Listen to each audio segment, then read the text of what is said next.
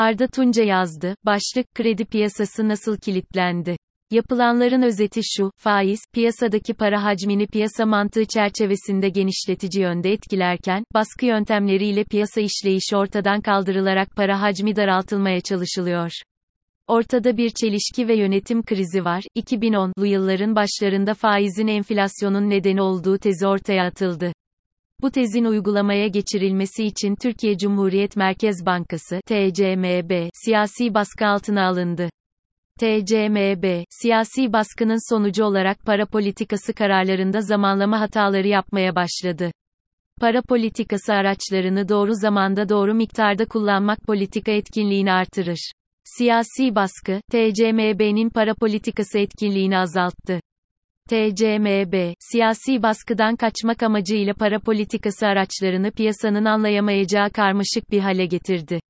Piyasa diliyle örtülü faiz artışları gibi isimlendirmelerle politika faizi artırılmadan paranın kullanım maliyeti gerektiğinde siyasi baskı nedeniyle gecikmeli olarak artırılıyordu. Faiz artıyordu ama çok karmaşık yöntemlerle. 2010'ların başlarında, siyasi baskı başlarken Merkez Bankası'nın bağımsız olduğu yine de vurgulanıyordu. 2019'da, Merkez Bankası başkanlarının art arda görevden alındıkları bir süreç başlıyordu. TCMB'nin para politikası araçlarını kullanmakta herhangi bir yetkisi kalmamıştı. TCMB'nin bağımsızlığını yitirdiği süreç, yargının da bağımsızlığını yitirdiği, kuvvetler ayrılığı gibi demokrasinin en önemli kavramlarından birinin yok edildiği süreçle beraber yürüdü. Türkiye, demokratik ülkelerin yönetim ilkelerinde düşünülemeyecek ve ülkeyi yönetim krizine götüren bir süreçle karşı karşıya kaldı. Ekonomi yönetiminde yaşananlar, siyasi anlayışın bir iz düşümü ve mütemmim cüzüydü. TCMB'nin hükümetin bir bakanlığı gibi çalışmaya başlamasıyla faiz ile ilgili kararlar doğrudan Cumhurbaşkanı tarafından alınmaya başlandı. Nitekim, önümüzdeki dönemde faizin tek haneye ineceği yönünde açıklamalar ve bu açıklamalara dayanan tahminler bulunuyor. Ekonomi teorisinde yeri olmayan bir tez Türkiye'yi serbest piyasa koşullarından uzaklaştırdı. Faiz indirimleri ile bozulan dengeleri korumak için getirilen yeni kurallar dengesizliklerin artmasına neden oldu. Mevduat için uygulanan zorunlu karşılıklar kredilere de uygulanmaya başladı. Önce %10, sonra %20 yapılan zorunlu karşılıklar geçtiğimiz haftalarda sıfırlandı. Bunun yerine, bankalara kullandırdıkları krediler karşılığında menkul kıymet alma zorunluluğu getirildi. Amaç, politika faizi indirilirken kamu finansmanının maliyetini de düşürmek. Ancak, devletin yabancı para cinsinden borcu da var ve artan riskler nedeniyle bu borcun maliyeti olağanüstü seviyelerde seyrediyor. Borcun maliyeti, çeşitli vadelerde ABD doları cinsinden kabaca %11 Eylül aralığında bulunuyor. Türkiye'nin faiz giderlerinin bütçedeki payı 2017'den bu yana yükseliyor. Faizi baskı altında tutmaya çalışan hükümet, devletin faiz giderlerini artırıyor. Piyasanın mantığı ve kuralları var. Sürekli ilan edilen yeni düzenlemelerle 6 ayda ulaşılması planlanan hedeflerin gerçekleşmediği görüldükçe, çare piyasanın işleyişini her düzenlemeyle daha fazla bozmak oldu.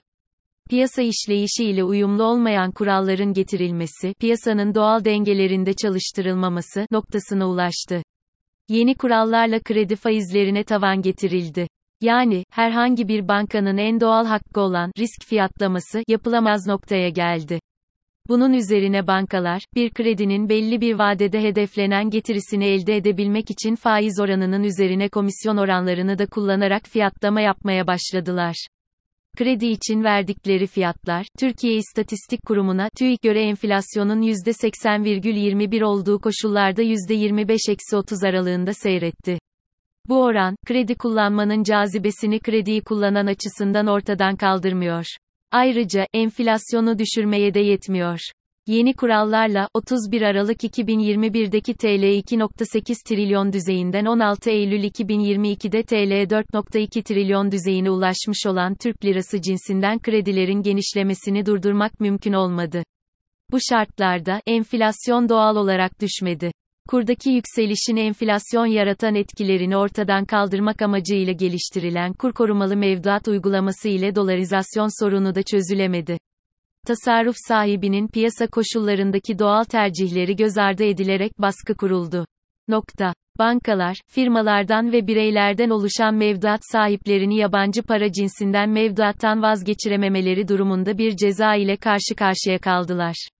Yapılanların özeti şu, faiz, piyasadaki para hacmini piyasa mantığı çerçevesinde genişletici yönde etkilerken, baskı yöntemleriyle piyasa işleyişi ortadan kaldırılarak para hacmi daraltılmaya çalışılıyor. Ortada bir çelişki ve yönetim krizi var. TCMB, bankaların fiyatlama yeteneklerini risk yönetimi ilkeleri çerçevesinde kullanabilmek için buldukları alternatif yöntemlere de müdahale etti. Komisyon oranları ile ilgili bir düzenleme devreye alındı. Yani, bankaların fiyatlama yapabilmeleri daha zor hale geldi. Bankaların tahsil ettikleri her komisyonun bir adı var, bu komisyonların bazıları kurallar gereği yılda ancak bir kez alınabiliyor. Diğer komisyon türlerinin tahsilatı da ancak belli teknik sınırlar dahilinde mümkün. Bu teknik sınırlarda zorlanınca, hangi yeni yöntemlerle bankalar tahsilat yapabilecek?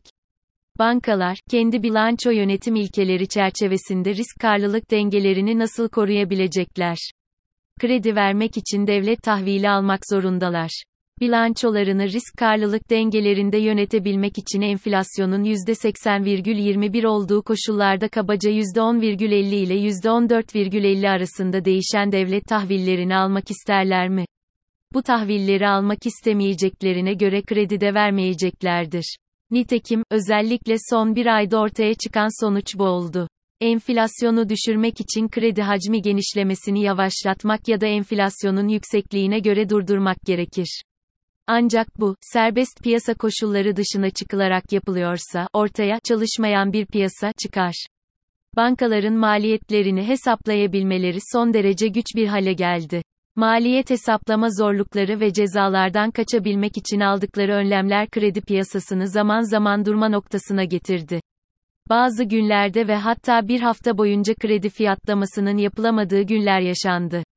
Tüm bunlar, önceki aylardaki yazılarda öngördüğümüz tahminler değil, gerçekleşenler. Son dönemlerin düzenlemelerinde önemli bir ayrım var, tüm düzenlemelerin kapsamına giren ve girmeyen kredi türleri bulunuyor. Şu kredi türleri düzenlemelerin kapsamı dışında, küçük ve orta boy işletmelere yönelik krediler, esnaf kredileri, ihracat kredileri, yatırım kredileri, tarımsal krediler, kurumsal kredi kartları, mali kuruluşlara kullandırılan krediler, tüketici kredileri, kamu kuruluşlarına yönelik krediler. Bu kredi türleri dışındaki kredilerin menkul kıymet tutma zorunluluğu bankalar için cazip değil. Bu kredi türleri içinde bankalar için bir noktaya kadar halen verilebilir olarak kabul edilen krediler ihracat kredileri ve mali kuruluşlara kullandırılan kredilerdi. 28 Eylül 2022 günü bir başka düzenleme daha yapıldı. Düzenlemede ihracatçı ve ihracat kredisi tanımlamaları değiştirildi. Son 3 mali yılda ya da son mali yıldaki ihracat toplamın ithalat toplamın oranı en az %110 olan firmalara en fazla 2 yıl için kullandırılan krediler ifadesi kullanıldı. Bunun anlamı, dış ticaret hacmi ağırlıklı olarak ithalattan oluşan firmalara kredi kaynağının kesildiğidir. Temmuz 2022 verilerine göre, Türkiye'nin Ocak-Temmuz 2022 dönemi dış ticaret açığı geçen yılın aynı dönemine göre %143,7 oranında artarak 62 dolar 20 sent milyara ulaşmıştır. Bu açık, yıllık bazda 2022'nin ilk çeyreğinde %7,5 ve ikinci çeyreğinde %7,6 oranında büyüme elde edilmiş bir döneme denk gelmektedir. Diğer bir ifadeyle, Türkiye ithalat yapmadan büyüyemiyor. TÜİK verilerine göre, Ocak-Temmuz 2022 dönemi ithalatının %81,9'u aramalı ithalatından oluşuyor. %10,5'i ise sermaye malı ithalatından oluşuyor. Her iki kategorinin toplamı %92,4. Yani, Ocak-Temmuz 2022 döneminin toplam 206 dolar 50 sent milyarlık ithalatının %92,4'ü üretim amaçlı olarak gerçekleşiyor. 28 Eylül 2022 gününe ait düzenleme ile dış ticaretin 206 dolar 50 sent milyarlık bölümünün kredi kaynağı kesilmiş oldu. Sonuç itibarıyla, kredi piyasasında fiyatlamanın piyasa işleyişi çerçevesinde mantığı kalmadı. Fiyatlamanın risk ve karlılık dengeleri analizine dayandırılması ve bu doğrultuda ticari hedefler konulması imkansızlaştı tasarruf sahibinin yabancı para yerine Türk lirası cinsinden tasarruf yapmasını özendirecek piyasa matematiği uzun süredir yok. Enflasyonun temel nedenlerinden olan ve zaman zaman ortaya çıkan kur ataklarının önüne geçebilecek bir strateji bulunmuyor. Kuru bir miktar dizginleyen unsurlardan birinin Temmuz 2022'de 36 dolar. 6 milyara ulaşan son 12 ayın cari açığının finanse edilmesini sağlayan 24 dolar 30 sent milyarlık net hata ve noksan kalemi olduğu tespit edilebiliyor. Kaynağı belli olmayan bir para girişiyle bir ülkenin ekonomi stratejileri oluşturulmaz. Durum, TCMB'nin geç likidit penceresi üzerinden para politikası yönetmeye çalıştığı günleri andırıyor. Çok önemli bir düzenleme ile krediler giderek artan oranda, harcama mukabili olarak kullandırılacak. Bu uygulamaya, finansal disiplin ve risk yönetimi prensipleri çerçevesinde itiraz olmaması gerekir. Ancak, amacı siyasal sistemi dine dayandırmak olan bir hükümetin bu adımını bir rejim değişikliğinin parçası olarak okumak gerekiyor. İslami bir modele döndürülmekte olan finans piyasası büyük resimdeki büyük bir değişim niyetinin ekonomik adımıdır.